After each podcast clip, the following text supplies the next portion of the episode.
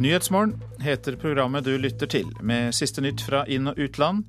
Nå klokka halv sju onsdag 26.9 har vi disse hovedsakene. Hemmelighold etter 22.07 blir kritisert av jusprofessor. Hensynet til offentlighetens innsynsbehov må veie tyngre enn forvaltningens behov for å skjerme opplysningene. Professor Fridtjof Bernt. Staten selger oljeselskapene informasjon om havbunnen utenfor Lofoten og Vesterålen, men miljøbevegelsen blir holdt utenfor.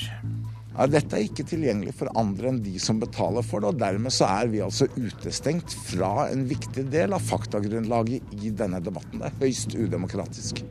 Mente Bellona-leder Fredrik Hauge. Myanmars president kommer til Norge. Stadig flere kjennemerker blir stjålet. Bilskiltene brukes til å snike i bomringene. Her i studio i dag, Øystein Heggen.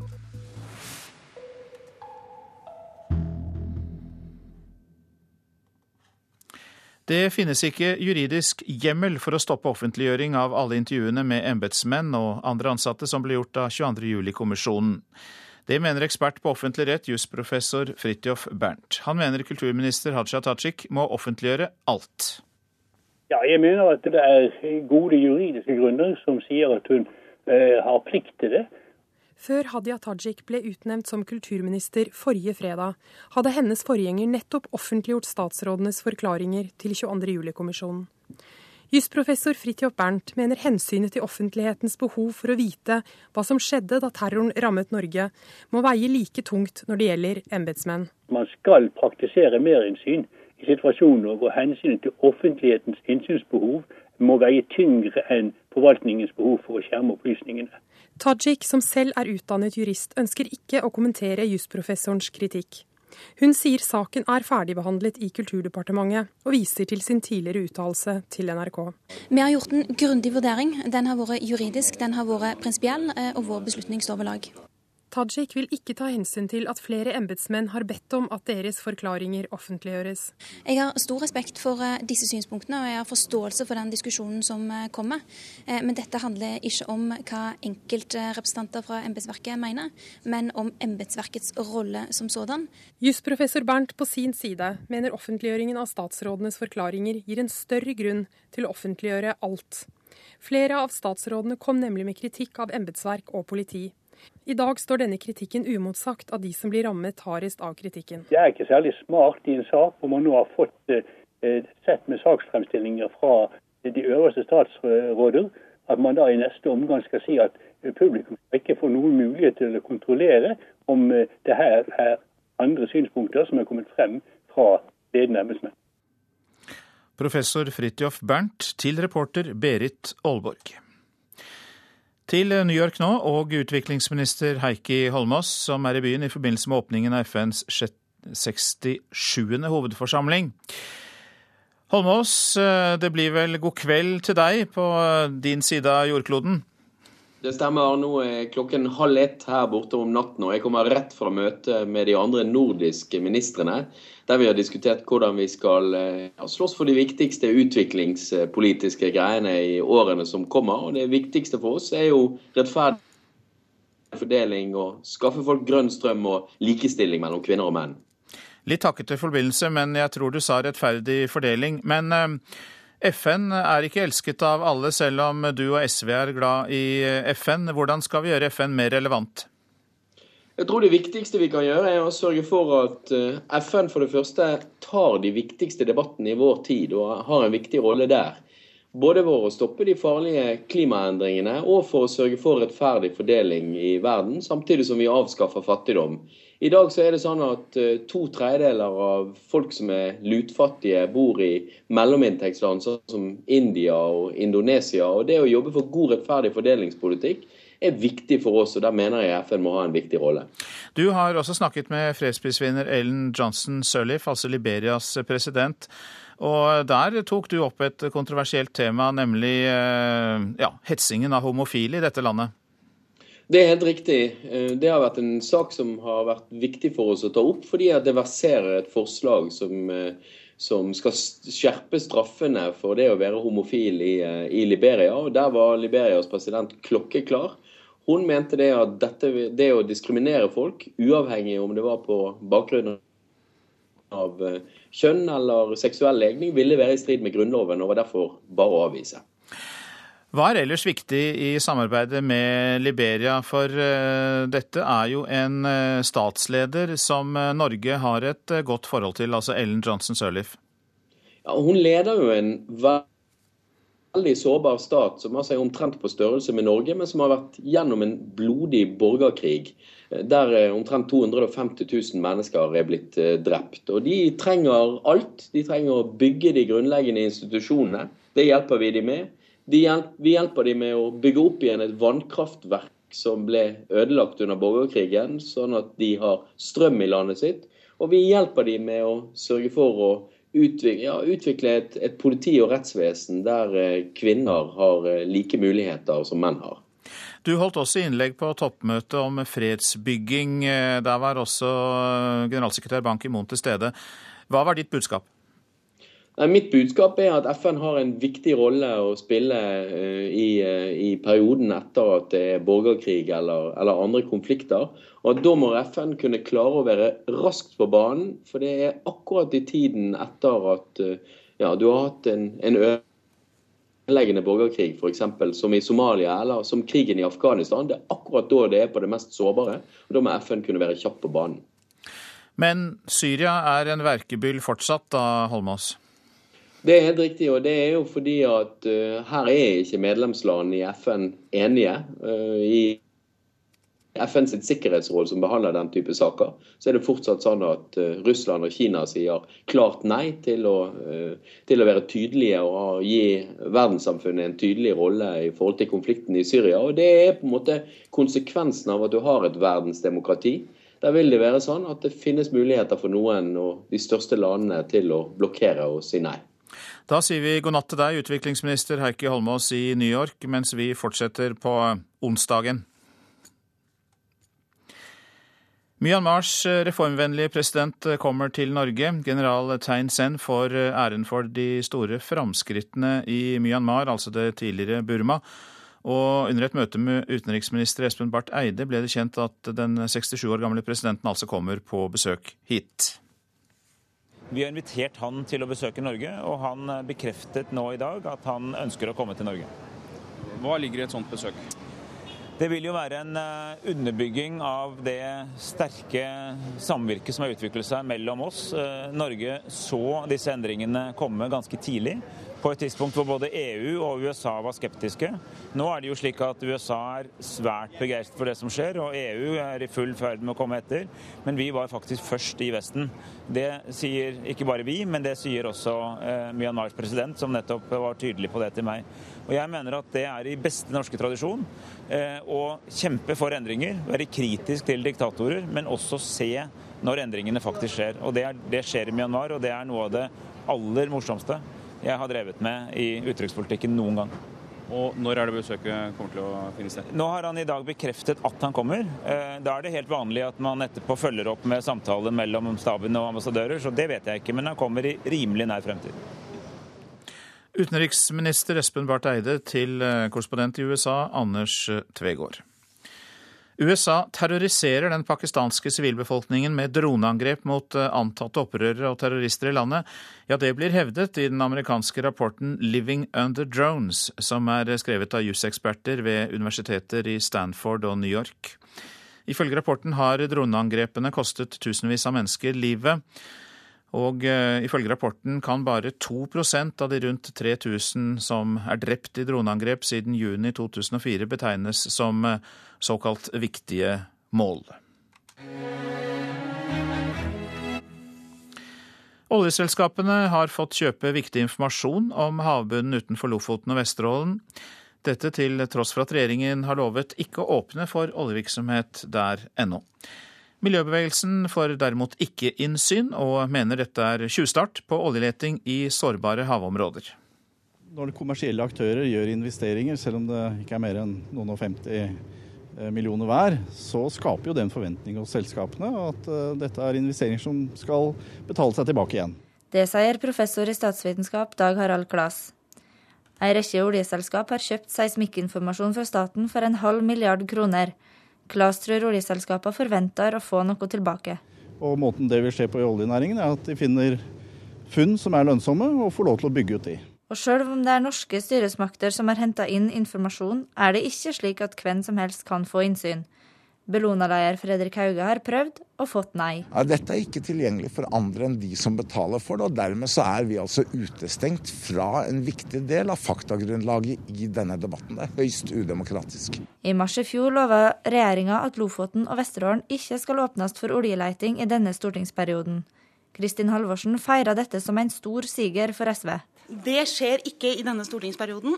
Bellona-leder Fredrik Hauge mener at regjeringa nå langt på vei bryter dette løftet. Ja, Vi mener jo at dette er direkte egentlig å starte det å åpne opp for uh, oljeboring i Lofoten og Vesterålen, så vi er jo lurt trill rundt. Er dette en tjuvstart på oljejakten i Lofoten? Åpenbart, og det skjer på svært sviktende miljøfaglig grunnlag. NRK har eh, tilbudt Olje- og energidepartementet å kommentere denne saken. Det har de altså ikke gjort. Eh, reportere Ellen Synnøve Wiseth og eh, Sissel Dalen. Så noen ord om avisene og det de skriver. Hver tredje kvinne er overvektig når hun er gravid, er oppslaget i Aftenposten.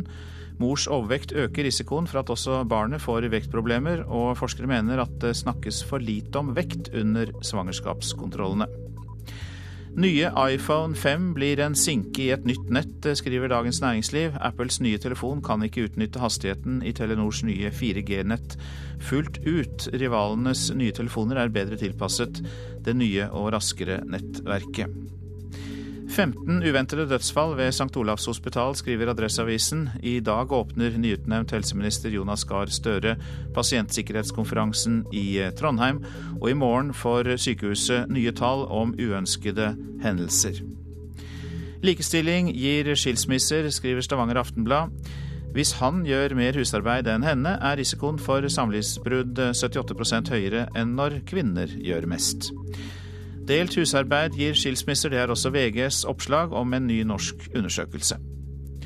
Krever ladd pistol på jobb, skriver Vårt Land. Fire av fem ansatte i ordenspolitiet i Oslo ønsker å bære våpen i tjeneste. Kriminaliteten er blitt tøffere, sier tillitsvalgt Sigve Bolstad. Martin Kolberg tar selvkritikk i Klassekampen. Høyresida har sluppet for billig unna, sier Ap-ideologen, som mener han selv ikke har kritisert markedstekningen til høyresida hardt nok. Tettere og høyere, langt færre eneboliger og nært til T-bane og tog, skriver Dagsavisen om framtidas boliger. Staten må i større grad styre hvor folk skal bo, sier miljøvernminister Bård Vegar Solhjell. 340 sagbruk risikerer skattesmell, leser vi i Nasjonen. Gjerstad kommune i Agder fikk medhold i en skattesak mot Gryting trelast i går. Og det kan bety skatt på næringseiendom også for andre sagbruk i Norge. Nå tar kriminelle over din mobil, er advarselen i Dagbladet. Åpnes SMS-er fra ukjente avsendere, kan det føre til at fremmede kan lytte til samtalene dine og tappe bankkontoen din. Kevin Johansen sov ikke en hel natt på ti år, forteller moren hans til Nordlys. Til slutt fant hun fram til melatoninpiller, som gir Kevin en full natts søvn. Og hun håper at flere med søvnproblemer kan få tips om legemiddelet.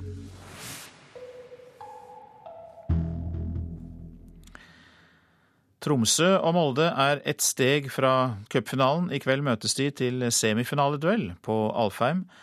Og eh, Tromsø-trener Per-Mathias Høgmo, han vil så absolutt til Ullevål. Vi jakter nå en, en Ullevål cupfinale som jo henger veldig høyt for både trenere og spillere. Alle vil spille cupfinale på Ullevål. Men det blir ingen enkel kamp for Tromsø, for de har ikke vunnet mot serieleder Molde siden april 2010. Vi møter et veldig godt lag.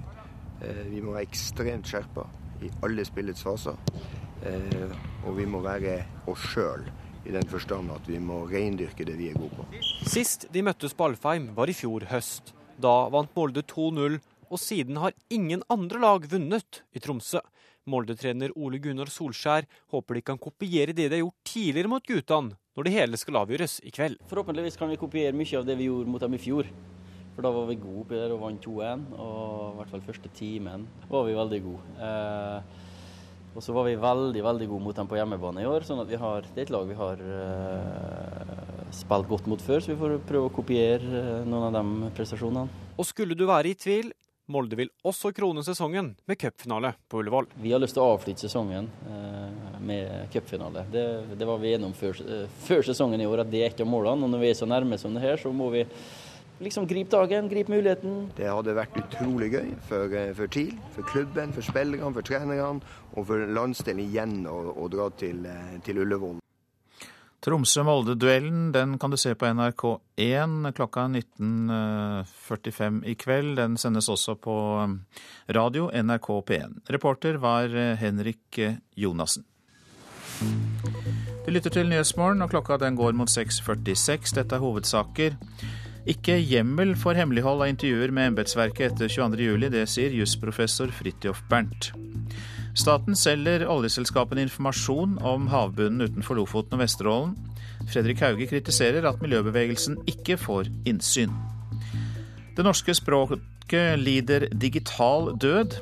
Det kan vi snart få høre mer om.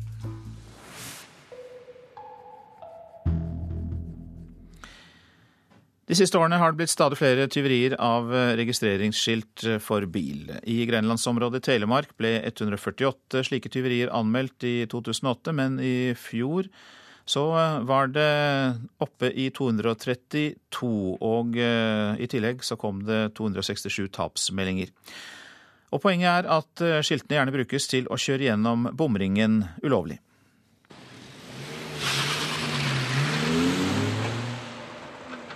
Vi registrerer jo at eh, flere og flere kommer hit for å få kjennetegn tildelt på nytt, som de må, når kjennetegnet kjennetegner bilskiltet er stjålet fra, fra bilen deres. Det sier Harald Uldal, leder av trafikkstasjonen i Skien. Og da eh, blir jo de lagra, så vi registrerer at flere og flere kommer inn etter at de har vært hos politiet og anmeldt kjennemerkene bilskilt av stjålet. For de siste få årene er slike tyverier mer enn fordoblet. Tyveri av bilskilt er en forseelse og blir lavt prioritert hos politiet. De aller fleste sakene henlegges. Men fenomenet blir også lagt merke til i politiet, sier Kai Gundersen, seksjonsleder for etterforskningsseksjonen ved Grenland politistasjon. Det vi ofte ser, det er jo at de brukes eh, gjerne på stjålne biler hvor man stjeler bilen, og så skifter man skilter fra annen type bil av samme merke.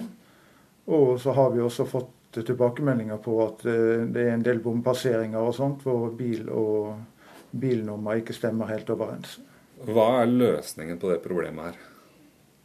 Jeg har vel ikke noe god løsning, for problemet har jo alltid vært der. De som får skiltene sine stjålet, må først til politiet for å anmelde forholdet. Deretter må de til trafikkstasjonen for å få nye skilter og nytt vognkort. Men dette er dersom du oppdager tyveriet, for ofte skrur tyvene på andre skilter. Slik blir det vanskelig å oppdage, tror kjørelærerne utenfor trafikkstasjonen. Ofte sjekker du at skiltet ditt stemmer overens med bilen? da? Nei, du gjør jo ikke det. Folk vet jo ikke regnummer på bilen sin engang. Og dette gjør at det nærmest er fritt frem for bilskilttyvene. Så ikke bli overrasket om du plutselig en dag får parkeringsbøter og regninger for bompasseringer i posten. I det siste ja, ett til to år så har vi vel registrert at uh, andelen av de som uh, utsettes for falske skilt, de, den, er, uh, den, er, økende. Det sier Sigmund Aasli, direktør for bomselskapet E18. Ja, Det, det, det er jo fortvila for den som blir ramma av det. da. Så det men som sagt så, så, må jo vi når vi får kopi av en anmeldelse, så, så, rydder vi opp i det. Så frafaller vi da. Hva er ditt råd til de som opplever å få skiltene sine stjålet? Eh, det er viktig at de da anmelder forholdet umiddelbart. Og når vi da mottar en kopi av en anmeldelse, så frafaller vi jo da de krav som er sendt ut til vedkommende. Reporter her, eh, Sjur Øverås Knutsen. Ny teknologi kan ta knekken på det norske språk. Det frykter forskere som mener at norsk står i fare for å lide en digital død. Ny forskning på språkteknologi viser det. Jeg heter Lenny, og jeg er kjempeglad for å være her. Roboten Lenny ble presentert på Forsker Grand Prix i Oslo tirsdag kveld. Og den kan snakke to språk. Men det mest spesielle med den er at den kan skjønne en ordre. Please stand up. Standing up. Go forward. Men bare så lenge forsker og utvikler Pierre Lisson gir den på engelsk. Nei, det går ikke på norsk. Nei. Fordi uh, tallgjenkjenningssystem er veldig dårlig når det er med norsk. Du vil alltid finne engelsk som en valgmulighet når det gjelder språkteknologi. Men mindre språk som norsk finnes ikke nødvendigvis engang i det teknologiske grensesnittet, slik at du gjerne tvinges til å snakke engelsk for å gjøre det forstått. Gunn Inger Lyse ved Universitetet i Bergen er en av 200 forskere i det europeiske forskningsnettverket Metanett, som på oppdrag fra EU har kartlagt hvordan de europeiske språkene gjør det i den digitale verden.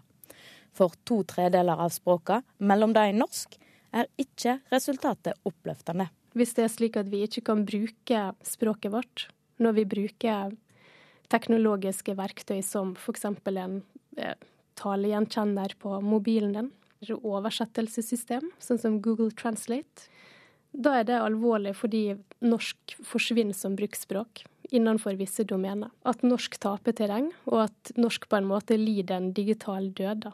Rapporten fra Metanett viser at norsk vil bli utrydda som digitalt språk, om utviklinga fortsetter som i dag. Språk er kulturarv, og vi, vi bør ta vare på det. Teknologien finnes jo, så i stor grad så er det snakk om å tilpasse en generell teknologi. Og en del av de løsningene krever en stor forskningsinnsats. Da har i grunnen både forskere og næringsliv og politikere en sjanse til å, til å faktisk utvikle interessant språkteknologi. Det ville også være veldig fint å kunne ha en robot som kan også forstå litt norsk. Men for det må vi vente for teknologi som uh, akkurat nå ikke er der. Tusen takk, og vi ses snart. Reporter Maria Pile Svåsand. Flerspråklige barn bør så tidlig som mulig få bøker på morsmålet, mener bibliotekene her i landet. Nå skal de kartlegge antall flerspråklige barn i barnehagene. Målet er at de skal bli lest høyt for på morsmålet.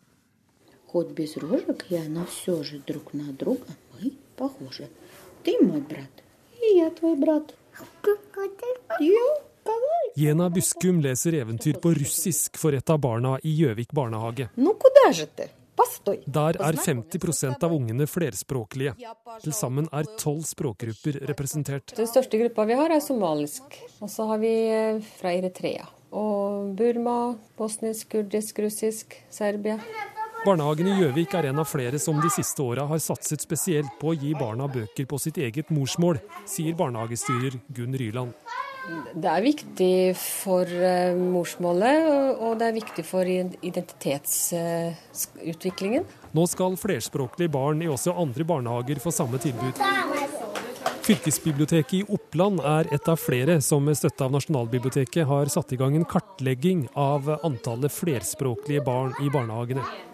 Hensikten er at ungene så tidlig som mulig skal få bøker på sine morsmål, sier fylkesbiblioteksjef Gunhild Olstad. Vi vil jo at de skal kunne konkurrere på lik linje med de norske når de, skal, når de begynner på skolen, og videre opp gjennom i de ulike klassene. Sånn at vi vet jo at språk er viktig i ungas videre utvikling. Forskning viser at barn lettere lærer norsk og blir integrert i det norske samfunnet hvis de kan morsmålet sitt bra fra før. Hvis barna har et godt morsmål, så lærer de det andre språket mye, mye raskere. Men de lærer saktere norsk hvis de har et dårlig morsmål. Derfor så jobber vi mye med å styrke foreldrene på å bruke morsmålet. På Gjøvik har barnehagen bevisst tatt inn voksne innvandrere på arbeidstrening og språktrening for at barna skal bli lest høyt for på sitt eget morsmål. Men de færreste barnehager har ansatte som kan minoritetsspråk. Da blir det å oppfordre foreldrene.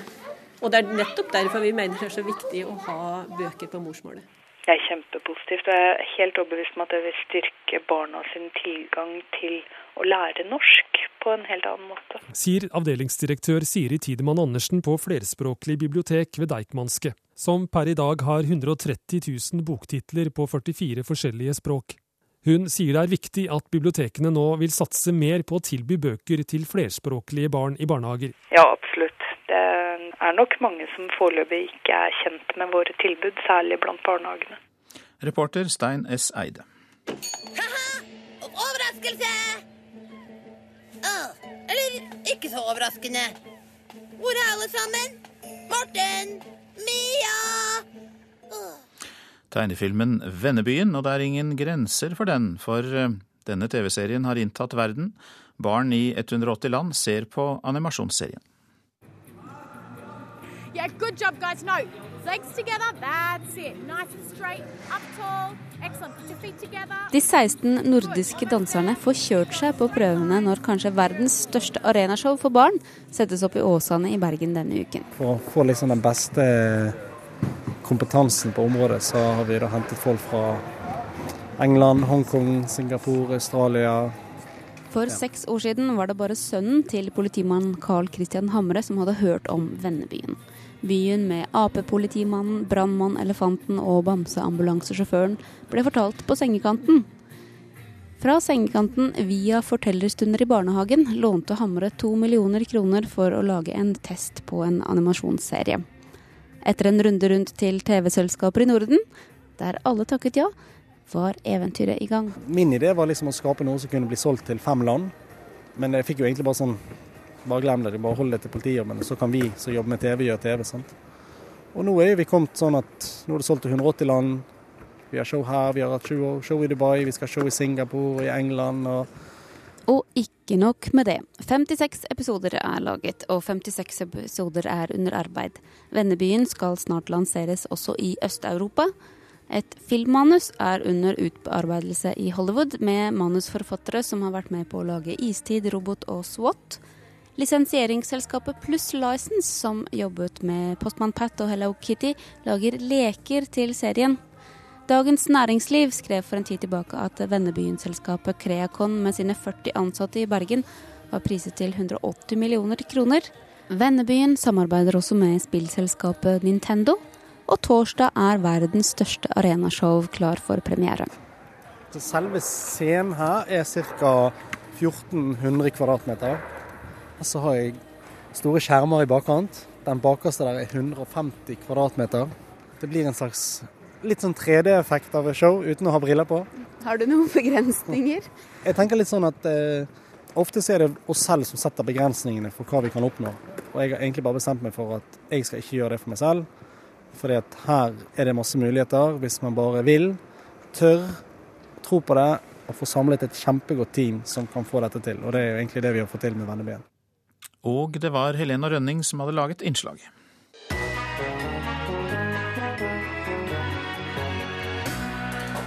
I USA handler valget om Obama eller Romney, men i Brasil er det mer et valg mellom Batman eller Robin. Kampen om velgernes oppmerksomhet topper seg nå med kandidater som James Bond, MacGyver, Wolverine og Lady Gaga. Hør om valget i Brasil i Radioselskapet klokka 11. Været må vi ikke glemme. Fjellet i Sør-Norge i dag. Liten kuling utsatte steder. Litt sludd eller snø, mest i sørlige områder. Regn under 8000 meter. Fra i ettermiddag skiftende bris, stort sett opphold. Østlandet og Telemark får regn. Sør for Gardermoen kan det lokalt bli mye nedbør. Fra i formiddag minkende nedbørsaktivitet, først i sør. I kveld eh, enkelte regnbyger. Agderfylkene får enkelte regnbyger. Rogaland enkelte regnbyger, mest sør i fylket, utrygt for torden der. Hordaland utrygt for enkelte regnbyger. Så ser vi Sogn og Fjordane og Møre og Romsdal samlet. Stort sett oppholdsvær, i kveld enkelte regnbyger på Sunnmøre. Trøndelagsfylkene sørøst stiv kuling utsatte steder. Fra i ettermiddag liten kuling, oppholdsvær. Og det kan bli litt regn i indre strøk i formiddag. Helgeland, Saltfjellet, Salten og Ofoten. Liten kuling i utsatte fjordstrøk i sør. Ellers pent vær. Tilskyende etter hvert. Først kommer det i sør. I kveld kan det bli regn i sørlige grensestrøk. Lofoten og Vesterålen muligheter for enkelte regnbyger. I kveld pent. Troms kortvarig sørvestlig liten kuling på kysten. Først på dagen enkelte regnbyger, ellers stort sett pent. Finnmark i ettermiddag kortvarig vestlig kuling på kysten av Vest-Finnmark. Enkelte regnbyger på kysten vest for Nordkapp. Ellers delvis skyet opphold. Nordensjøland på Spitsbergen delvis skyet oppholdsvær. Svalbard hadde minus fem grader klokka fem, Kirkenes pluss tre, Vardø fire, Alta null, Tromsø fem, Bodø fem, Brønnøysund åtte, Trondheim ni, Molde sju, Bergen åtte, Stavanger elleve, Kristiansand åtte, Gardermoen seks. Lillehammer fem, Troms Røros tre og Oslo-Blindern hadde åtte grader klokka fem.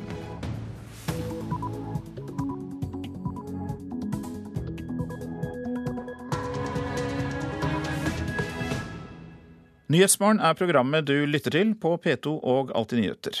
Nå klokka sju har vi en nyhetsoppdatering. Færre dør av pasientskader på norske sykehus. Jeg skal ikke felle noen dom over fortiden, mer se på hvor vi står nå og hvor vi går. Og det at vi nå er på rett vei, og at tiltak gir resultater, det er veldig inspirerende til å gå videre. Helseminister Jonas Gahr Støre. Kulturministeren må offentliggjøre alle intervjuene som ble gjort av 22. juli-kommisjonen. Det finnes ikke juridisk hjemmel for å holde forklaringer tilbake, ifølge ekspert på offentlig rett. Ja, jeg mener at det er gode juridiske grunner som sier at hun eh, har plikt til det. Jusprofessor Fridtjof Bernt. Forskning viser at norske kvinner stort sett er fornøyde med at de gjør mer husarbeid enn mann. Jeg er vel selv den typen som uh, syns det er greit å gjøre mye sjøl med det. De syns det bare er helt greit å gjøre mest. Så unngår de bråk, sikkert. Kanskje vi bare er mer opptatt av å ha det ryddig rundt oss. For jeg syns det blir best når jeg gjør det sjøl. 1000 kvinner dør hver dag i forbindelse med fødsler. I dag skal statsminister Jens Stoltenberg levere en rapport om mødrehelse og medisininnkjøp til FN. Selv om det er 18-årsgrense for kjøp av softgun, så er det barn helt ned i 12-årsalderen som leker med disse våpnene. Foreldrene kjøper det, og uh, uten at det er noe regime omkring det her med bruken av det, så kan det her komme veldig dårlig ut. da. Sier politistasjonssjef Snorre Haugdal. Ja, færre dør av pasientskader ved norske sykehus. På to år er tallet på dødsfall som følge av pasientskader kraftig redusert. Det er nye tall som den nye helseministeren Jonas Gahr Støre presenterer i dag. Ja, Når vi ser på tallene, så ser vi at eh, tallene på dødsfall går ned. Og ganske markant ned også ved norske sykehus og norske sykehjem. I 2009 døde 4700 mennesker på norske sykehus og sykehjemmer av pasientskader. Et mer systematisk arbeid har ikke ført til færre skader, men nå fører de langt sjeldnere til at pasienten dør. Det skjedde likevel i 2900 tilfeller i fjor. Likevel er det ikke langt unna en halvering fra to år tidligere. Det er lurt å innrømme feil, sier Jonas Gahr Støre. Det er denne litt brutale åpenheten som gir oss eh, si, retning til hvordan vi skal jobbe videre med det. Og den eh, skadekampanjen som nå er for å få skadene ned, den gir faktisk resultater både på sykehus og i sykehjem. Eh, det er en gjennomgang som eh, foregår ved start og avslutning av operasjoner. På Diakonhjemmet sykehus i Oslo tar leddgiktskirurg Lars Eilertsen fram skjemaet Trygg kirurgi. Og så en oppsummering etterpå om ting er gått etter planen, og om det er ting man skal merke seg. Det er mye som kan gå galt på et sykehus, og 16% av alle innleggelser fører faktisk til skade på pasienten. Men noen feil er selvfølgelig verre enn andre. Det vi er aller mest redd for som ortopediske kirurger, er vel det klassiske med å ta feil bein eller feil finger. eller Eh, men det er også ting som at eh, det kan være forhold ved pasienten, eh, spesielle sykdommer som gjør at man skal ta spesielle forbehold, f.eks. For i tilleggsmedisiner eller gjøre ting på en litt annen måte. Men hvis du på ett eller to år klarer å redusere antall dødsfall med mange hundre, så må man jo virkelig ha slurva i helsevesenet i mange, mange år. Ja, jeg skal ikke felle noen dom over fortiden, mer se på hvor vi står nå og hvor vi går. Og det at vi nå er på rett vei, og at tiltak gir resultater, det er veldig inspirerende til å gå videre. Hvor eh, få skader er det mulig å ha i helsevesenet? Jeg tror vi må ha inspirasjon om en nullvisjon, men det å komme i null tror jeg er veldig vanskelig. Det eh, erfaring viser, er at eh, det er et 50% reduksjon er mulig gjennom god forebygging. Eh, det er noe å strekke seg etter, men vi må ha holdningen at vi lærer av hver eneste feil.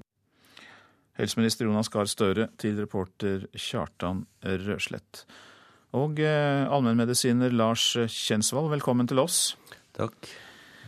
Du eh, er jo også flylege og kjenner sikkerhetskulturen i luftfarten, i tillegg til eh, helsevesenet. Og eh, du mener at helsevesenet har feil innstilling til nettopp dette med sikkerhet? Ja, det er jo helt riktig. Fordi helsevesenet de driver fortsatt på og henger ut enkeltmennesker og har et sånt syndebukksystem, hvor Helsetilsynet stadig vekk åpner tilsynssaker og det mener jeg er eh, den sikreste måten å sørge for at sakene ikke kommer frem i lyset. Hvorfor det? Man må jo gripe fatt i de som har gjort feil. Jo, men systemet bør endres slik at man innser at det er systemet som svikter når noen gjør feil. Fordi innenfor luftfarten så har man møysommelig bygget opp et ord som jeg ikke helt klarer å oversette til norsk, som er et safety system, eller safety management system. Og det består i at man lager systemet slik at det fanger opp menneskelige tekniske feil på en slik måte at det ikke får noen konsekvenser. Og hvis det så skjer en feil, så innrømmer man at det er systemet som har sviktet, ikke enkeltpersonen. Og så har man også veldig godt dokumentert at når det skjer en menneskelig feil, så er det bare som en rekke i veldig mange andre samtidige hendelser. Og dette ble bl.a. veldig veldig godt dokumentert på Brennpunkt-rapporten eh, 'Døden i sykehus', som ble sendt i mai i fjor. Den er veldig veldig illustrativt på hvordan systemet egentlig svikter. Men hvordan enkeltpersonen faktisk blir hengt ut. Du etterlyser jo en havarikommisjon for helsesektoren, men samtidig så vet vi jo at vi har pasientombud og helsetilsyn, helsedirektorat, legemiddelverk. Hmm. Massevis av ja. tilsynsorganisasjoner. Jo, og det du opp, eh, opp, oppramser nå, er jo faktisk en av hovedgrunnene til at du ikke får noe effektivt tilsyn. Fordi her har man altså fragmentert tilsynet så mye at det blir en svær ansvarsfraskrivelse. Man har et eget lege, legemiddeltilsyn. Tilsyn med, sy med infeksjon i sykehus, som er et kjempeproblem, det er jo lagt til Folkehelseinstituttet som en selvstendig organisasjon. Tilsyn med teknisk utstyr som stadig vekk svikter, det ligger i Helsedirektoratet. Så har du Arbeidstilsynet, som skal ta seg arbeidsforhold og arbeidstid. Og så har du altså et helsetilsyn som jeg mener er helt vingespekt og mangler makt. De mangler mulighet til å gripe inn. Mens en havarikommisjon, det er en selvstendig organisasjon som jobber utenfra og analyserer og rapporterer, og er helt uavhengig av tilsynet. Tilsynet, sånn som det er i Luftfartstilsynet, de får levert disse rapportene, og så må de følge, ta konsekvensen av hva rapportene viser. Men altså Havarikommisjonen den er helt selvstendig og helt utenfor. Du vil ha et system der eh, systemet blir eh, satt under kontroll mer enn enkeltpersoner. Det, det skjønner vi. Men samtidig så hørte vi jo nå i dette innslaget i stad at eh, færre dør av pasientskader ved norske sykehus. Ja, så man kan henges opp i tall. Og de tallene man hadde før dette som nå kommer frem som jeg ikke har sett, visste man at det varierte mellom 3500, 4500, kanskje 5000. Men det blir, sånn, det blir å krangle og diskutere eh, tragedier. Pasientskader, altså? Ja, pasientskader. Det man vet, og som helsedirektøren dokumenterte på pasientsikkerhetskonferansen i 2010, er at det skjer 80 000 uheldige hendelser i norske helsevesen i året. 16 000 av de ender i alvorlige, får alvorlige konsekvenser, og ca. 4000 igjen dør. Så det er 16 000 alvorlige hendelser. Og så ja, har du fått en rapport da, nå, unnskyld, fra, fra Helsetilsynet hvor man har innrapportert 150. Altså, dette er jo bare viser hvor dårlig Helsetilsynet virker. Man har ikke et system for å monitorere og fange opp de virkelige feilene som skjer. Det, er bare så vidt man er borti overflaten. Ja, så, så disse relativt lavere tallene som er kommet nå, de mener du da bare er toppen av isfjellet? Ja, det er det. Og det er jo fordi Helsetilsynet har ikke makten eh, og muligheten til å gå inn og rapportere. Altså Man har ikke som i luftfarten et, et, safe, et monitoreringssystem. Hvert eneste selskap, hvert eneste sykehus tilsvarende, de har egne systemer hvor de monitorerer alt som skjer, til minste detalj. Og kan så gå inn i det og analysere, og så gjøre noe på en måte endre da, og ta konsekvenser av det. Og på den måten forebygge tidlig. For å oppsummere, Lars eh, Tjensvold, du mener da at en slik havarikommisjon for helsevesenet vil da føre til at du får eh, flere tilfeller rapportert inn, og en bedre analyse av det som har skjedd? Da må man gjøre sånn som det ble gjort med havarikommisjonene veldig tidlig, og som Peter Hjorth også har beskrevet i sin utmerkede bok, for han jo på en måte har beskrevet dette problemet. Og som jeg vil anbefale alle som er interessert. fordi man må sørge for at de som rapporterer inn, får et slags amnesti. Ellers så får de ikke rapporter. Folk, hvis du, hvis du rapporterer inn, og så blir, eh, kan risikere et tilsyn, da får de ikke rapport. Det sier jo seg selv. og Det viser igjen den Brennpunkt-reportasjen som, som jeg viste til. Forklaringene ble endret underveis fordi folk var helt klart var, var engstelige for hva som skulle skje, og hvilke konsekvenser de skulle få hvis de faktisk holdt seg til fakta. Hjertelig takk for at du kom til Nyhetsmorgen, allmennmedisiner Lars eh, Kjensvold, som altså hadde klare anbefalinger om hvordan vi skal bedre sikkerhetskulturen i helsevesenet. Norske kvinner er stort sett fornøyde med at de gjør mer husarbeid enn mannen. Det viser en ny, stor forskningsrapport. I sju av ti parforhold så gjør kvinnene mest i hjemmet, mens vel en fjerdedel oppgir at arbeidet er likt fordelt. Og eh, kvinner som NRK har møtt på gata, de kjenner seg igjen. Jeg er vel klart den typen som uh, syns det er greit å gjøre mye sjøl med, da. De syns det bare er helt greit å gjøre mest. Så unngår de bråk, sikkert. Kanskje vi bare er mer opptatt av å ha det ryddig rundt oss. For jeg syns det blir best når jeg gjør det sjøl. Fortsatt er det sånn at i de fleste parforhold gjør kvinner mer klesvask, oppvask, rengjøring, matlaging og innkjøp enn menn. Det kommer fram i undersøkelsen fra NOVA. Det som overrasker er at de fleste kvinnene ikke tar dette så tungt, og det gjør dem heller ikke mindre fornøyd med forholdet, sier forsker Thomas Hansen. Vi hadde jo forventa at kvinner skulle være mer misfornøyd med å gjøre klart mest hjemme. Men selv blant de kvinnene eh, med høy utdannelse, urbane kvinner, yngre kvinner, selv blant de så var det en sterk tendens til å være tilfreds med arbeidsdelinga hjemme, sjøl om de sjøl gjorde klart mest av husarbeidet. Han sier en forklaring kan være at flere tekniske hjelpemidler og senkede forventninger om standard på renhold gjør at kvinner ikke opplever husarbeid som like belastende som før. Tradisjonelle kjønnsrollemønstre spiller selvsagt også en rolle. Det er nok mange som har likestilling som et ideal for samfunnet, men at man kanskje ikke finner så praktisk og realistisk for sin egen del. Det kan også hende at den samla arbeidsmengden hjemme er mer eh, rettferdig fordelt. Altså kanskje partneren står for økonomien, planlegginga, andre oppgaver hjemme. Han tar selvfølgelig litt husarbeid, han også, men, men han jobber mer, og nå er jeg hjemme. og jeg føler at det felles er veldig naturlig at det blir jeg som gjør mest, da. I undersøkelsen kommer det fram at arbeidsoppgaver knyttet til det å ha barn er noe jevnere fordelt mellom menn og kvinner. Men samtidig er det sånn at nettopp det å få barn gjør at mer av det tradisjonelle husarbeidet faller på kvinnene. Vi ser at de yngste parene har en veldig eh, likedelt praksis, men at eh, når man får barn, så får man mer, litt, noe mer tradisjonell deling hjemme, og at den, eh, den delinga henger ved også i senere livsfaser. Og ikke alle kvinner vi traff syns det er greit at de skal ta den største delen av husarbeidet. Nei, jeg syns egentlig ikke det er greit. Jobber med saken for å få motivert han til å hjelpe til litt mer. Det var eh, Tom Ingebrigtsen som var ute og loddet stemningen blant norske kvinner. En har også kommet til studio, blogger og høyrepolitiker Heidi Nordby Lunde. Velkommen. Takk. Du har meninger om dette. Hvorfor er det fortsatt skjev fordeling av eh, husarbeidet? Ja, jeg må jo først si at jeg er like overrasket som forskerne er. Eh, den fine tingen er at man ser at det er en jevnere fordeling når man har barn og på barnepass. Men det er fortsatt en utfordring. altså Kvinner gjør mer eh, i hjemmet. Men så har jeg forsøkt å gå gjennom rapporten og prøve å finne årsaker til det. Og det jeg syns er en mangel, er en bedre fordeling på om vi snakker om deltidsansatte kvinner og heltidsansatte. Det er nevnt i rapporten, men selv når kvinnen jobber fulltid, så gjør hun som regel mest. Og så står det at det 70% av oss er godt fornøyd med det. Jeg tror det har noe med fortsatt vanetenkning og tradisjon å gjøre. Men eh, det kan jo også hende at eh, mannen gjør eh, andre ting. Det ble nevnt her i saken at det kan være det å holde orden på økonomien, det å sørge for at taket blir eh, tettet og slike ting. Slik at det alt i alt er en større balanse. Ja, Når det gjelder eh, fordelingen av oppgaver, så er det gjerne slik at mannen eh, også tradisjonelt da tar vare på å vaske bilen, klippe plen, måke snø og den type ting. Som er sjeldne oppgaver som utføres slik at det utgjør kanskje noen få timer hver måned. De oppgavene som vi snakker om når det gjelder husarbeid, er rengjøring, matlaging, handling, vask av klær, som er daglige gjøremål som gjør opptil eh, opp til flere timer i uka. Så da er det en klar skjevfordeling, selv om parene kanskje eh, for seg føler at de er ganske likefordelt. Hadde de ført timelister, og jeg sier ikke at de skal gjøre det, hadde de gjort det, så tror jeg den, eh, den skjevfordelingen kunne ha kommet fram tydeligere.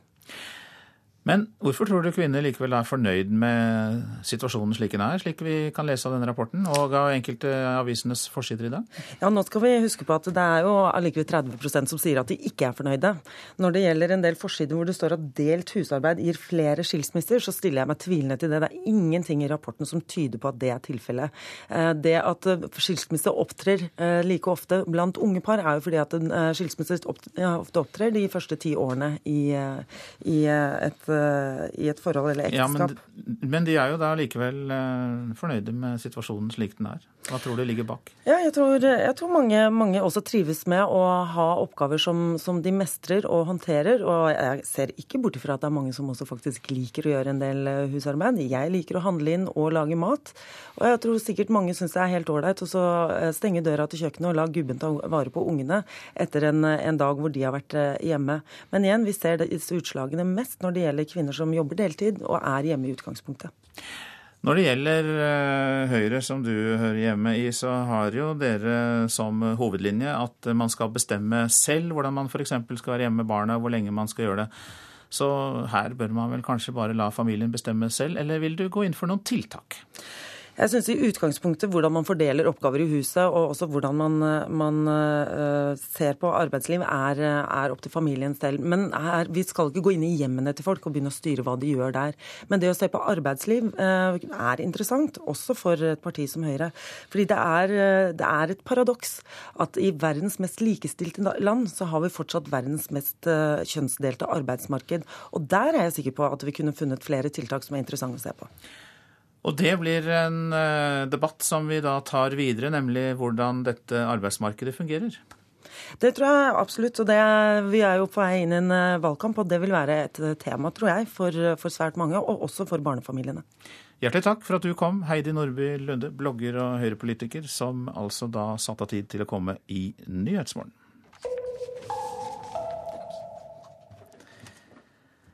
Regjeringen vil trappe opp kampen mot trygdesvindel. Et velferdssystem basert på tillit er ikke lenger nok. Det sier arbeidsminister Anniken Huitfeldt. Hun varsler mer penger og økte fullmakter til Nav for å trappe opp kampen mot trygdesvindlere, skriver Dagens Næringsliv. Så viser det seg at skattekronene renner inn fra Fastlands-Norge. Økning i skatteinntektene fra fastlandsøkonomien er over fire ganger så sterk som økningen i oljeskatten siden før finanskrisen i 2008.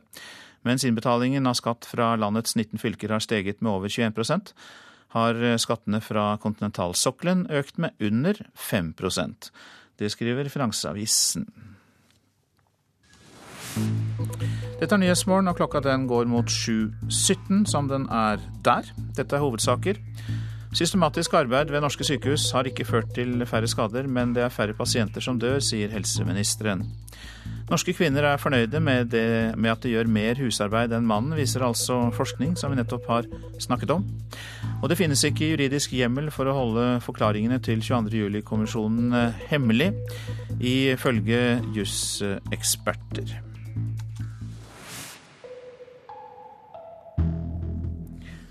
Statsminister Jens Stoltenberg er i New York og skal senere i dag levere en rapport om mødrehelse og medisininnkjøp til FN. Hver dag dør 1000 kvinner i forbindelse med fødsler. Målet er å redde flere kvinner og barn ved å skaffe dem billigere og bedre medisiner. Norge og statsminister Jens Stoltenberg har i en årrekke jobbet for å bedre verdens mødrehelse. Det handler om å sikre kvinner og barn bedre og billigere livsviktige medisiner. Senere i dag overleverer Stoltenberg en rapport til FN hvor han skisserer hvordan det er mulig å hjelpe flere kvinner og få ned barnedødeligheten. Ved å få ned prisen på medisiner. Og det kan vi få til gjennom at mange land går sammen om å kjøpe.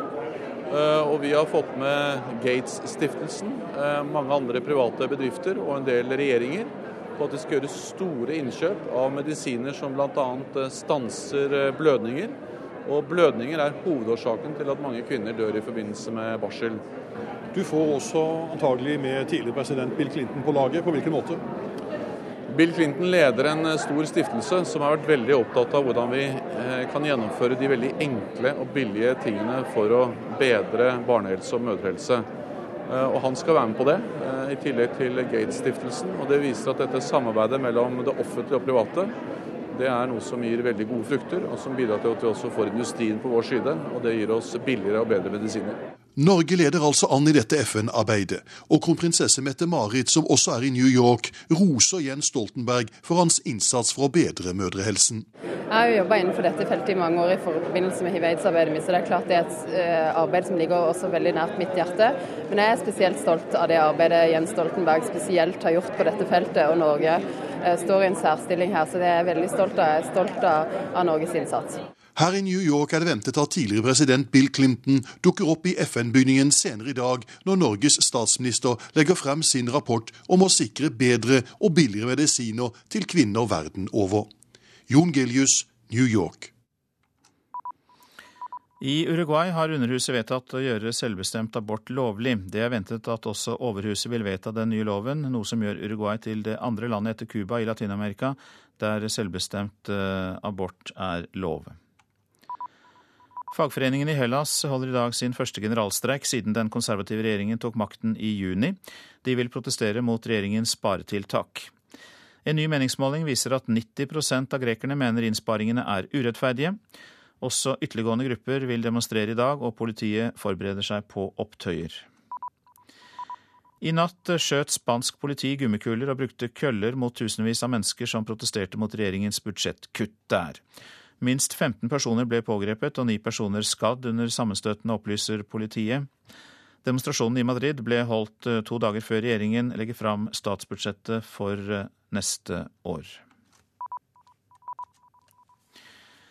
Britisk politikk nå. I dag avsluttes landsmøtet til Liberaldemokratene, som eh, har bunnnoteringer på meningsmålingene. Det har helt klart kostet å være juniorpartner i noe så sjeldent som en britisk koalisjonsregjering. It's an interesting conference in the sense of sort of the, the different types of pressures there are within the party, the expectations against the realities of being in coalition. Virkeligheten har ikke kunnet innfri forventningene for alle liberaldemokrater, konstaterer Bill Green.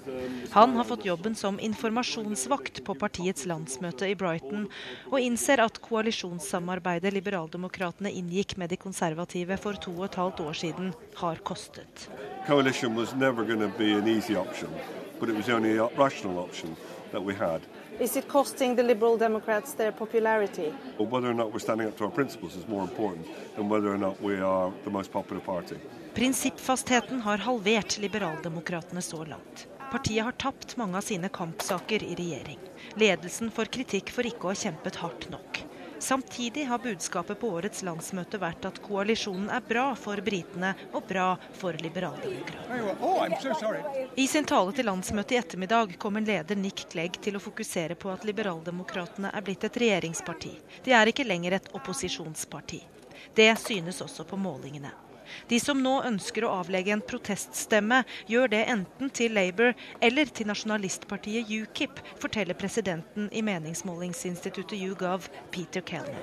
UKIP is replacing the Liberal Democrats as a, as a protest for those on the right of the political spectrum. UKIP is a, is a right-wing nationalist party. It won't pick up many protest um, but it's taken part of the Liberal Democrat market, if you like, for the right of centre protest vote. Okay, um, there's the list over there.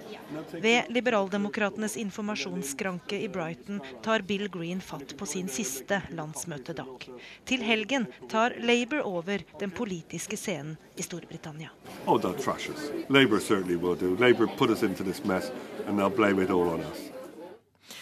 Liberaldemokraten Bill Green, som altså venter seg mer politisk juling utover høsten. Det var eh, korrespondent Gry Blekastad Almås som hadde vært i Brighton. Nå om avisene her hjemme. Hver tredje kvinne er overvektig når hun er gravid, er oppslaget i Aftenposten. Mors overvekt øker risikoen for at også barnet får vektproblemer. Og forskere mener det snakkes for lite om vekt under svangerskapskontrollene. Nye iPhone 5 blir en sinke i nytt nett, skriver Dagens Næringsliv. Apples nye telefon kan ikke utnytte hastigheten i Telenors nye 4G-nett fullt ut. Rivalenes telefoner er bedre tilpasset det nye og raskere nettverket. 15 uventede dødsfall ved St. Olavs hospital, skriver Adresseavisen. I dag åpner nyutnevnt helseminister Jonas Gahr Støre pasientsikkerhetskonferansen i Trondheim. Nye tall om uønskede hendelser ved St. Olavs hospital blir lagt fram i morgen. Likestilling gir skilsmisser, skriver Stavanger Aftenblad. Hvis han gjør mer husarbeid enn henne, er risikoen for samlivsbrudd 78% høyere enn når kvinner gjør mest. Delt husarbeid gir skilsmisser, er også VGs oppslag i dag, om en ny norsk undersøkelse som da skal vise dette. Krever ladd pistol på jobb, skriver Vårt Land. Fire av fem ansatte i ordenspolitiet i Oslo ønsker å bære våpen i tjenesten. Kriminaliteten er blitt tøffere, sier tillitsvalgt Sigve Bolstad. Martin Kolberg tar selvkritikk i Klassekampen. Høyresida har sluppet for billig unna, sier Ap-ideologen, som mener han selv ikke har kritisert markedstenkningen til høyresida hardt nok. Tettere og høyere, langt færre eneboliger og nært til T-bane og tog, skriver Dagsavisen om framtidas boliger. Staten må i større grad styre hvor folk skal bo, sier miljøvernminister Bård Vegar Solhjell. 340 sagbruk risikerer skattesmell, leser vi i Nasjonen. Gjerstad kommune i Agder fikk medhold i en skattesak mot Gryting trelast i går, og det kan bety skatt på næringseiendom også for andre sagbruk i Norge. Nå tar kriminelle over din mobil, er advarselen i Dagbladet. Åpnes SMS-er fra ukjente avsendere, kan det føre til at fremmede kan lytte til samtalene dine og tappe bankkontoen din.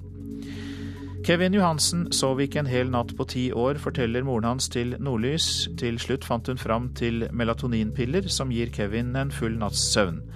Og eh, hun håper at flere med søvnproblemer kan få tips om legemiddelet.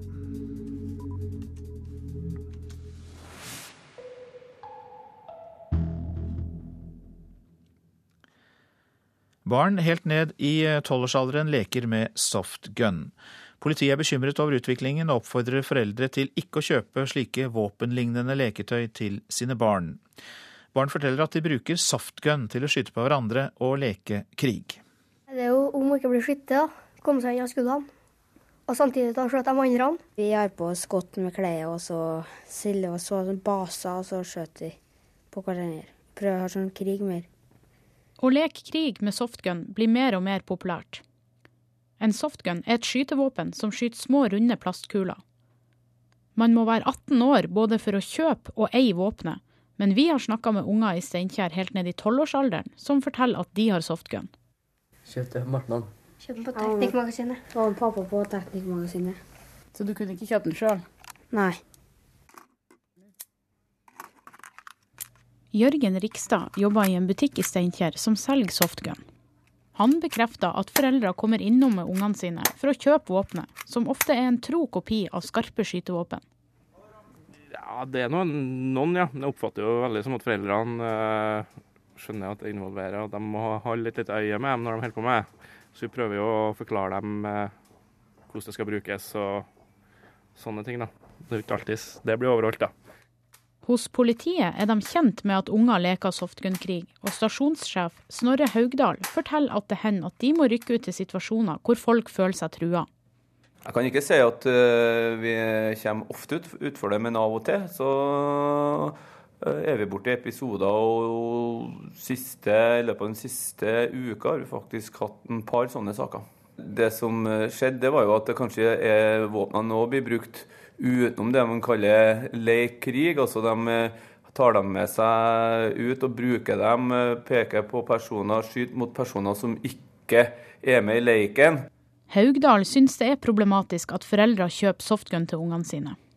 For eh, politiet sin del så ønsker, har vi ønska at foreldre ikke har skaffa våpen til mindreårige. Det er jo her vi er på kjernen av problemet. da. Også, man må være 18 år for å kjøpe det her softgunene, og foreldrene kjøper det. og uh, Uten at det er noe regime omkring det her med bruken av det, så kan det her komme veldig dårlig ut. da.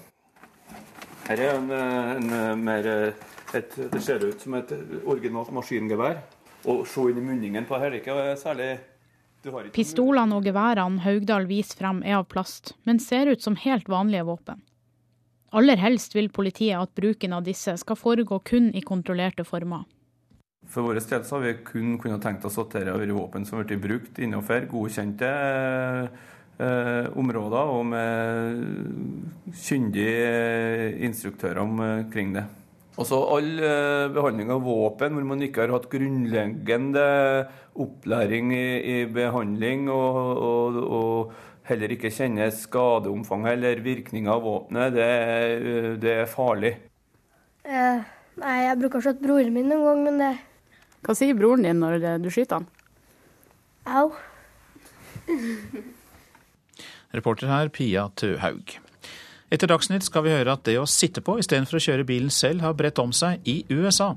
En ny mobilapplikasjon gjør det enklere og tryggere å dele på biltransport. Prosent for Nyhetsmorgen, Jean Erik Bjørnskaug. Her i studio, Øystein Heggen.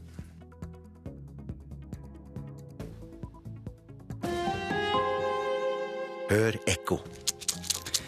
Dette er en eske med homeopatisk sovemedisin som jeg kjøpte på apoteket. Og apoteket er lovpålagt å selge meg denne, siden den er registrert hos Legemiddelverket. Betyr det at den virker?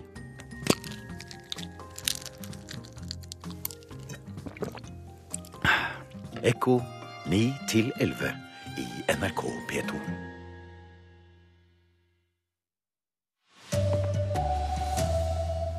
Færre dør av pasientskader på norske sykehus, men fortsatt er det like mange skader. Norske kvinner er fornøyde med at de gjør mer husarbeid enn mannen, viser forskning. Og norsk språk står i fare for å lide en digital død. God morgen, her er NRK Dagsnytt klokken 7.30. Færre dør av pasientskader ved norske sykehus. På to år er tallet på dødsfall som følge av pasientskader kraftig redusert. Det viser nye tall som den nye helseministeren Jonas Gahr Støre presenterer i dag. Ja, Når vi ser på tallene, så ser vi at eh, tallene på dødsfall går ned. Og ganske markant ned også ved norske sykehus og norske sykehjem. I 2009 døde 4700 mennesker på norske sykehus og sykehjemmer av pasientskader. Et mer systematisk arbeid har ikke ført til færre skader, men nå fører de langt sjeldnere til at pasienten dør. Det skjedde likevel i 2900 tilfeller i fjor. Likevel er det ikke langt unna en halvering fra to år tidligere. Det er lurt å innrømme feil, sier Jonas Gahr Støre. Det er denne litt brutale åpenheten som gir oss eh, skal vi si, retning til hvordan vi skal jobbe videre med det. Og den eh, skadekampanjen som nå er for å få skadene ned, den gir faktisk resultater både på sykehus og i sykehjem. Eh, det er en gjennomgang som eh, foregår ved start og avslutning av operasjoner. På Diakonhjemmet sykehus i Oslo tar leddgiktskirurg Lars Eilertsen fram skjemaet Trygg kirurgi. Og så en oppsummering etterpå om ting er gått etter planen, og om det er ting man skal merke seg. det er mye som kan gå galt på et sykehus, og 16% av alle innleggelser fører faktisk til skade på pasienten. Men noen feil er selvfølgelig verre enn andre. Det vi er aller mest redd for som ortopediske kirurger, er vel det klassiske med å ta feil bein eller feil finger. Eller.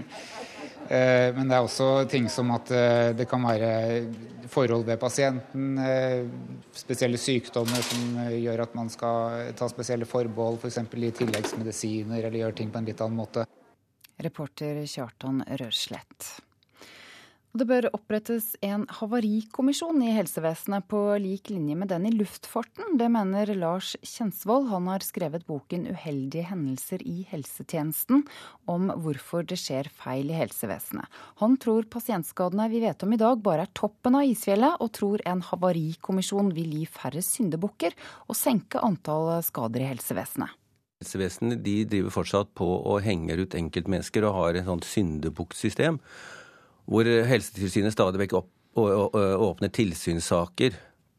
Og det mener jeg er eh, den sikreste måten å sørge for at sakene ikke kommer frem i lyset. Hvorfor det? Man må jo gripe fatt i de som har gjort feil. Jo, men systemet bør endres slik at man innser at det er systemet som svikter når noen gjør feil. Eh, Kjensvold, du mener da at en slik havarikommisjon for helsevesenet vil da føre til at du får eh, flere tilfeller rapportert inn og en bedre analyse av det som har skjedd? Da må man gjøre sånn som det ble gjort med havarikommisjonene veldig tidlig. Man må sørge for at de som rapporterer inn, får et slags amnesti. Ellers så får de ikke rapporter. Folk, hvis du, hvis du rapporterer inn og så blir, eh, kan risikere et tilsyn, da får de ikke rapporter. Sier jo seg selv. Lars Kjensvold ble intervjuet av Øystein Heggen. Norske kvinner er stort sett fornøyde med at de gjør mer husarbeid enn mannen. Det viser en ny stor forskningsrapport. I sju av ti parforhold gjør kvinnene mest hjemme, mens vel en fjerdedel oppgir at arbeidet er likt fordelt. Kvinner vi møtte på gaten, kjenner seg igjen. Jeg er vel ikke den typen som uh, syns det er greit å gjøre mye sjøl med, da. De syns det bare er helt greit å gjøre mest? Så unngår de bråk, sikkert. Kanskje vi bare er mer opptatt av å ha det ryddig rundt oss. For jeg syns det blir best når jeg gjør det sjøl. Fortsatt er det sånn at i de fleste parforhold gjør kvinner mer klesvask, oppvask, rengjøring, matlaging og innkjøp enn menn. Det kommer fram i undersøkelsen fra NOVA.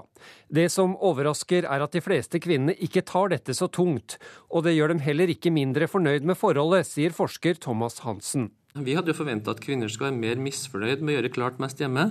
Men selv blant de kvinnene eh, med høy utdannelse, urbane kvinner, yngre kvinner, selv blant de så var det en sterk tendens til å være tilfreds med arbeidsdelinga hjemme, sjøl om de sjøl gjorde klart mest av husarbeidet. Han sier en forklaring kan være at flere tekniske hjelpemidler og senkede forventninger om standard på renhold gjør at kvinner ikke opplever husarbeid som like belastende som før. Tradisjonelle kjønnsrollemønstre spiller selvsagt også en rolle. Det er nok mange som har likestilling som et ideal for samfunnet, men at det kanskje ikke finnes så praktisk og realistisk for sin egen del. Det kan også hende at den samla arbeidsmengden hjemme er mer eh, rettferdig fordelt. Altså kanskje partneren står for økonomien, planlegginga, andre oppgaver hjemme. Snømåking og gressklipping og sånn tror jeg ikke de gjør så mye av. Nei. Men uh, Det pleier jeg også å si. Ja, me, me, me, skifte olje på bilen og dekket og uh, jeg tror den, eh, den henger nok greit hos mannfolk. Reporter her var Tom Ingebrigtsen. Oljeselskapene har fått kjøpe viktig informasjon om havbunnen utenfor Lofoten og Vesterålen. Dette til tross for at regjeringen har lovet ikke å åpne for oljevirksomhet nå. Miljøbevegelsen eh, får derimot ikke innsyn, og mener dette er en tjuvstart på oljeleting. Professor Dag Harald Klas forstår at miljøaktivistene reagerer når kommersielle aktører gjør investeringer, selv om det ikke er mer enn noen og 50 eh, millioner hver, så skaper jo den forventning hos selskapene at eh, dette er investeringer som skal betale seg tilbake igjen. Og måten det vil skje på i oljenæringen, er at de finner funn som er lønnsomme, og får lov til å bygge ut de. Det finnes ikke juridisk hjemmel for å stoppe offentliggjøring av alle intervjuene med embetsmenn og andre ansatte som blir gjort av 22.07-kommisjonen. Det mener Norges fremste ekspert på offentlig rett, jusprofessor Fridtjof Bernt. Han tar avstand fra argumentet om at avhørene må hemmeligholdes fordi embetsmennene var fritatt fra lojalitetsplikten.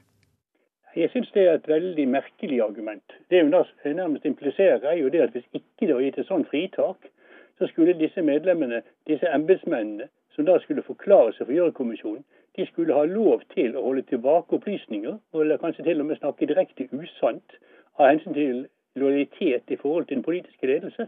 Og det er det jo ingen som har forestilt seg.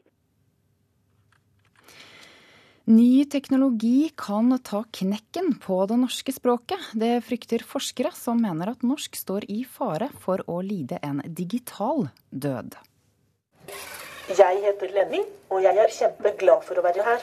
Roboten Lenny ble presentert på Forsker Grand Prix i Oslo tirsdag kveld. Og den kan snakke to språk. Men det mest spesielle med den er at den kan skjønne en ordre. Men bare så lenge forsker og utvikler Pierre Lison gir den på engelsk. Nei, det går ikke på norsk, nei. Du vil alltid finne engelsk som en valgmulighet når det gjelder språkteknologier.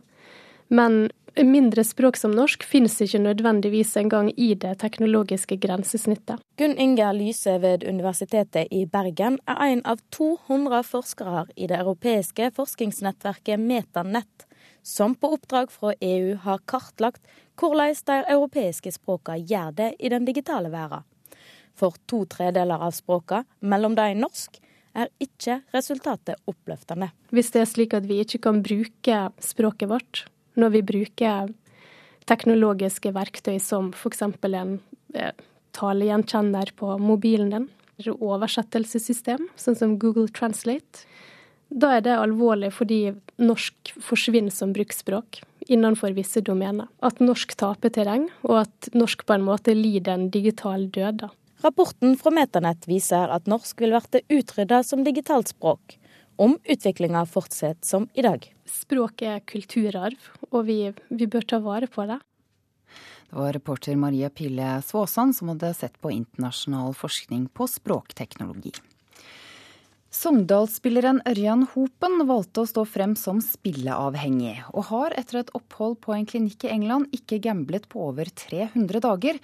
Nå mener han at Norges Fotballforbund har bruk for erfaringen hans. Jeg tror det kan være positivt for deg dem å fått mine erfaringer, ikke bare gjennom, gjennom media, men, men gjennom meg. Ørjan Hopen kom seg ut av spilleavhengigheten, og mener han kan hjelpe andre med samme problem. Fotballpresident Yngve Hallén mener det er NISO som skal ta kontakt med spillerne. Det, det er viktig at de, de bidrar, men i vårt samarbeid så er det naturlig at det er NISO som koordinerer det. Fotballforbundet koordinerer dette mot klubbene. Tidligere i år opprettet bl.a. NISO og NFF et tilbud med klinikker i Norge og utlandet for fotballspillere avhengig av gambling, alkohol eller rus. Dette gjør at et eget tilbud fra NFF er uaktuelt. Jeg tror det er på samme måte som vi har folk som har, får hjerteproblem for å trene, så starter vi ikke opp en egen hjerteklinikk. Her er det nok viktig å samle den kompetansen vi har, sånn at det er flere grupper som kan ta del i den samarbeider med kompetanse som ellers finnes i samfunnet. Vi lever ikke på en øy for oss sjøl. Reporter Henrik Jonassen. Ansvarlig for sendingene denne morgenen er Sven Gullvåg. Teknisk ansvarlig Frode Thorshaug. I studio Ida Creed.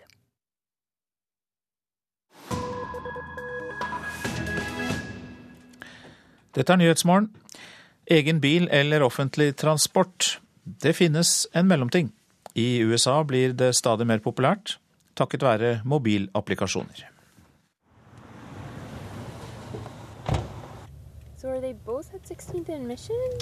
Kate Wong gjør seg klar til å plukke opp to passasjerer som skal sitte på fra San Francisco til Los Angeles, en tur som tar fem timer. To passasjerer som hun aldri har truffet før. Men skummelt er det ikke.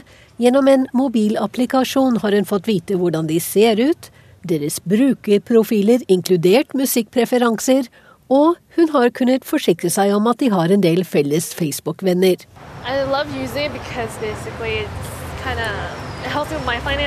Jeg elsker appen fordi det hjelper meg økonomisk slik at jeg kan besøke kjæresten min oftere, sier Kate til nyhetsbyrået Ap. Passasjer Brett syns også det er topp å dele på utgiftene. Dessuten er det mye hyggeligere enn å fly. It's, it's cheap, Um, but yeah, it's great to meet people. So let's say you want to go from San Francisco to Los Angeles.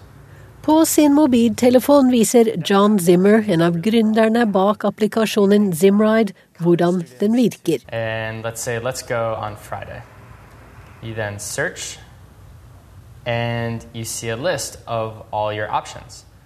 Let's say I wanted to book this ride. Uh, the 90s was all about getting people online when we think about tech. And then the 2000s was about connecting people online, so Facebook. And now, this decade, um, I think, is going to be all about taking those online connections offline. Dette tiåret handler om å bruke sine online-forbindelser offline. Det er en trend nå, at folk vil føle seg som en del av et samfunn og bli satt pris på. Og blandingen av den dårlige økonomien og ny teknologi gjør at folk kan komme sammen i en ny form for transport, sier Zimmer. Han anslår at selskapet hans har spart brukerne, som kommer fra 140 bedrifter og universiteter, for 100 millioner dollar i bilutgifter. Nå utvider de fra California til USAs østkyst.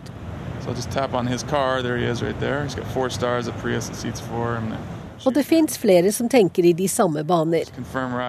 Applikasjonen Sidecar hjelper brukerne finne ledig plass hos en lokal sjåfør for korte turer rundt i byen. Passasjeren kan velge bilen som er nærmest, eller en bestemt sjåfør. De ser bilde av både bilfører og bil, beregnet ankomsttid og hvor bilen er på kartet. Og ved å sende informasjonen til en venn kan vedkommende spore bilen under hele turen, for sikkerhets skyld. Sjåføren kan sjekke hva slags rating passasjeren har fått hos andre sjåfører, og kan velge å si ja eller nei til turen. For både passasjerer og bilførere gir hverandre terningkast, noe som ifølge selskapet fører til rimelig og rettferdig betaling, pålitelighet og god oppførsel. Betalingen skjer per telefon.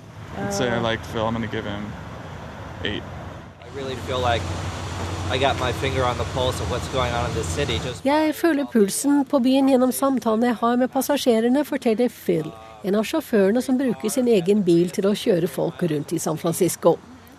Det er ikke som en jobb, det er bare gøy, for jeg bestemmer selv når jeg vil logge meg på og melde meg til tjeneste, sier han.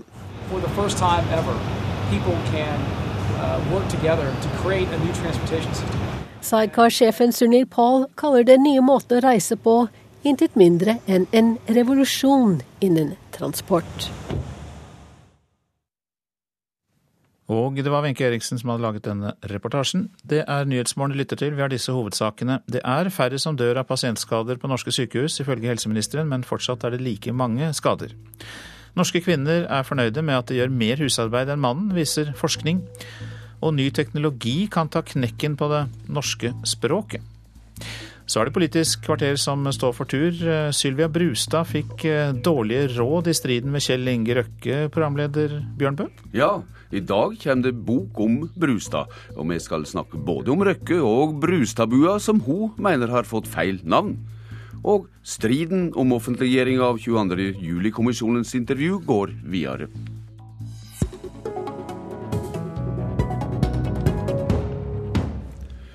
Fylkesmann, statsråd i fire departement, 20 år på Stortinget og ennå bare 45 år. I dag kommer boka om deg, Sylvia Brustad. Velkommen i studio. Tusen takk. I partiets tjeneste er undertittelen. Ditt ry som ekstremt partilojal blir repetert i denne boka, skriven av Stein Aabø. Lojaliteten har kosta, kan vi også lese? Det, det har den. Mm, fortell. Det er klart at Jeg mener jo for det første at, he, at det å være lojal er en hedersbetegnelse. Eh, men jeg må nok erkjenne, når jeg ser litt tilbake på 30 år i politikken og 20 år på riksplan, som du sier, at noen ganger har jeg vært for lojal, kanskje. Eh, åpningstidsloven er ett eksempel på det. Eh, og jeg skulle nok kanskje også sikra meg at jeg hadde noen ved sida av meg når det blåste som mm. eh, mest. Men, eh, men kommer tilbake konkret til dette, men du har også blitt kalla kjedelig? Ja, Det mener jo jeg er helt feil. Og jeg syns jo det er utrolig herlig å kunne få lov til å skrive min historie sammen med ført i penna av Stein Aabø om hvordan ting egentlig var. Jeg føler meg overhodet ikke kjedelig. Kjedelig var det iallfall sannelig ikke i konflikten med Kjell Inge Røkke våren 2009. Her er Røkke 22. april i det året. Jeg har problem til å forholde meg til når en næringsminister sier 'jeg er forbanna'. Je er forbanna. Hun er frustrert og irritert. Ja, Saka galt bl.a. spørsmål om informasjon i handel med røkkeselskap der staten var deleier, og du, som næringsminister Sylvia Brustad, du sa du var forbanna.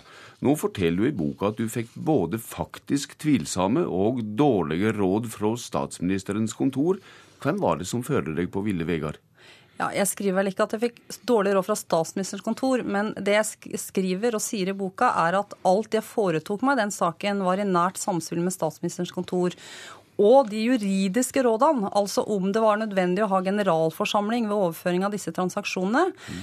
det var, viste seg å være meget omdiskutert.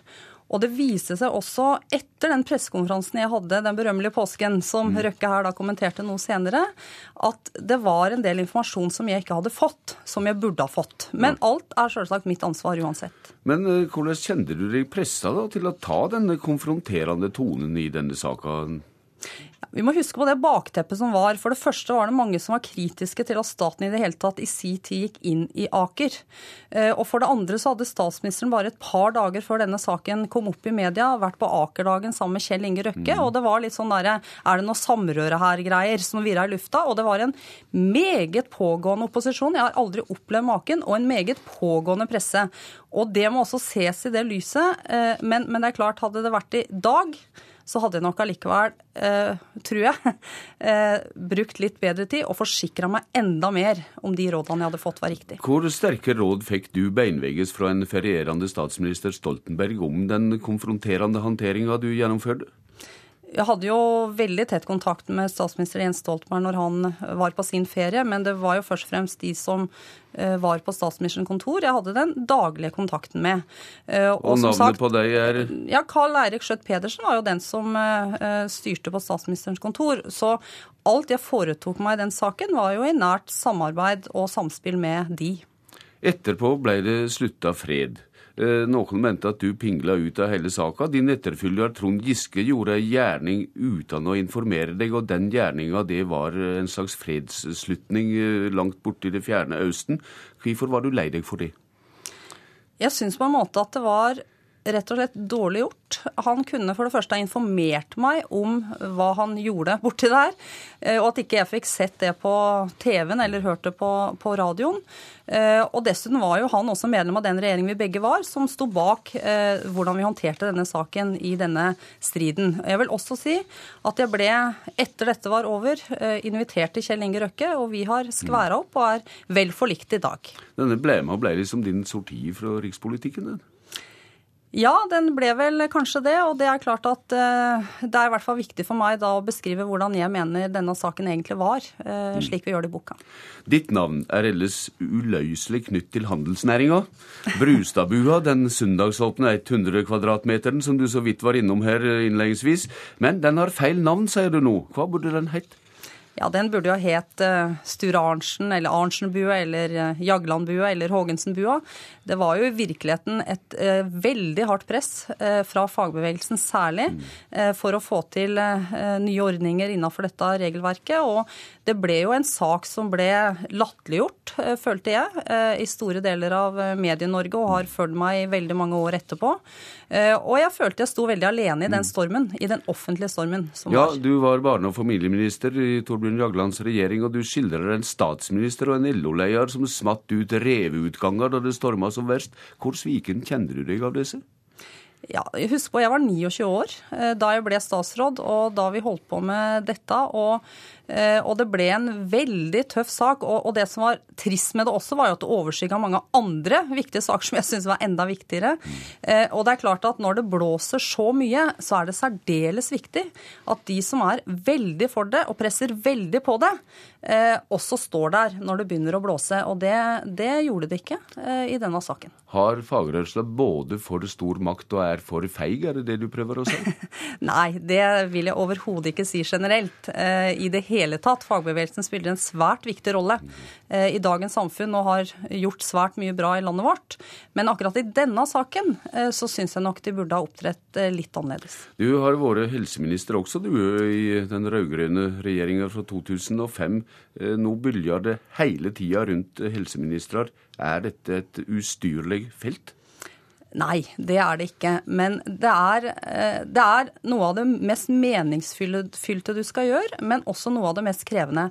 Tenk på over 100 milliarder kroner, mm. godt over 100 000 ansatte sterke profesjoner, noe alle har en mening om.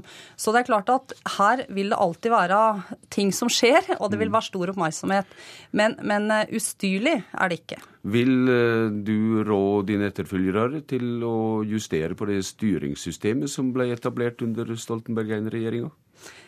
Nei, jeg skal være forsiktig med å gå inn i den type debatter. Jeg er helt sikker på at uh, helseminister Jonas Gahr Støre håndterer dette meget bra. Men det viktigste er fortsette arbeidet for kvalitet, forebygging og utjevne sosiale helseforskjeller. Kommentator i Dagbladet Stein Aaby, det er altså du som har skrevet boka om Brustad. Det har vært ulike politiske situasjoner i hennes 20 år i rikspolitikken. Har hun vært like godt tilpassa Jaglands mindretallsstyre som Stoltenbergs flertallsstyre? Ja, jeg vil jo si at uh, det var en Eh, en, nesten en større bedrift å bli plukket ut eh, som minister i en flertallsregjering, hvor det er flere partier som konkurrerer om statsrådspostene. Um, eh, ellers så mener jeg Sylvia har opptrådt nokså nok så likt i forhold til sitt eget parti, enten de har ledet en mindretallsregjering eller vært i flertallsregjering. Hun har vært lojal overfor flertallsvedtak i partiet, og det vil da si i forhold til ledelsen i partiet. Eh, og det har jo da innebåret, som hun har fortalt her, at hun har måttet fronte ting som hun kanskje ikke var helt enig i sjøl.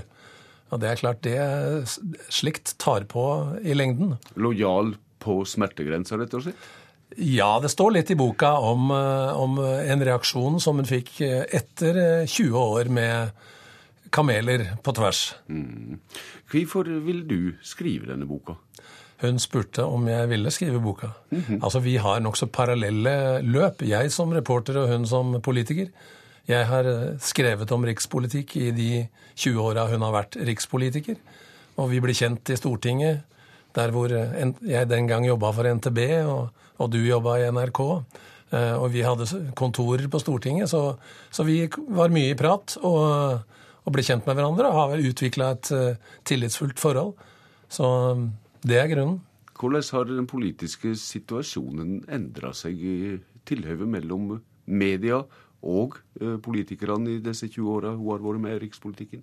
Nei, det har jo vært en revolusjon. Altså, Den gangen var det eh, kringkastingsmonopol og i hvert fall nesten, på TV-sida. Og, og, ingen nettaviser. Det var eh, Sannsynligvis gikk det an å trekke pusten etter noen intervjuer, men, men i tilfelle med Røkke-saken f.eks., så var det jo mangedobbelt med medier som uh, gikk løs på saken med stor iver. Og det ja. er selvfølgelig strevsomt for en, den som må fronte saken. Takk til deg, Stein Aube, og takk til deg, Sylvia Brustad, for at dere kom i studio.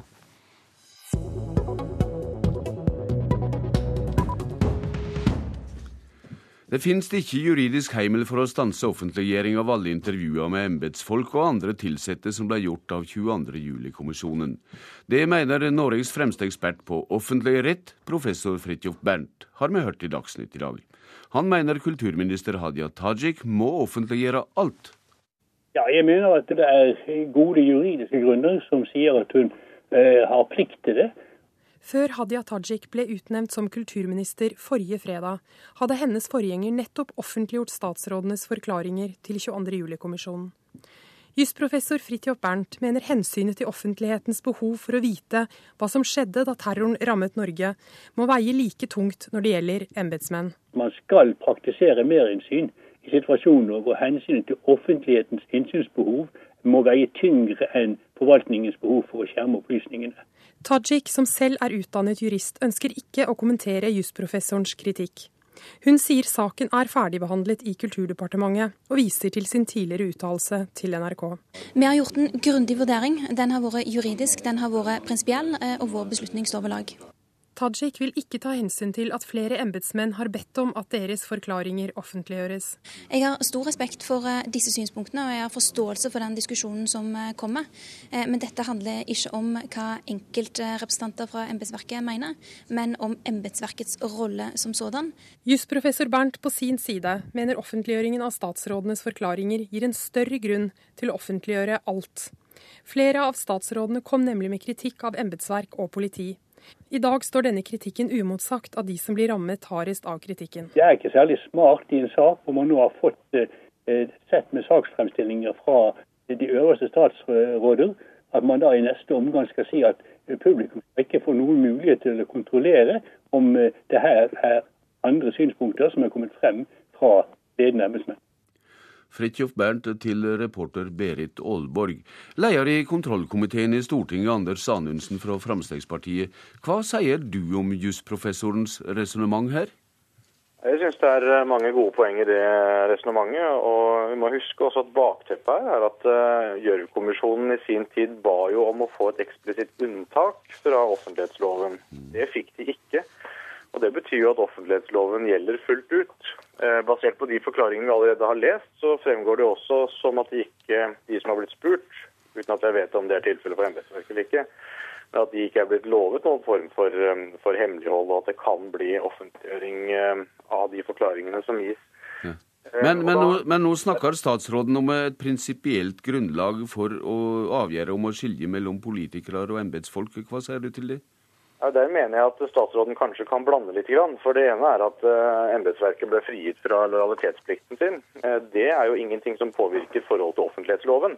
Det påvirker bare hvordan uh, embetsverket kan opptre i disse ikke forhørene, men samtalene.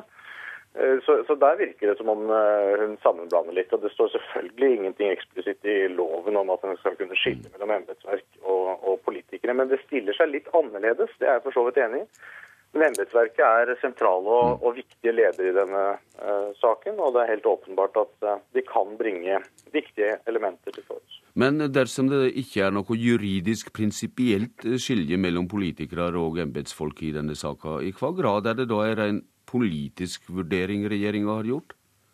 Nå ligger det jo i grunnen ikke noen um, hjemmel i offentlighetsloven for at du skal foreta politiske vurderinger i forhold til offentlighet. Eh, så det bør være en, en ren juridisk uh, begrunnelse. Men uh, jeg tror det er viktig at vi nå ser nærmere på dette.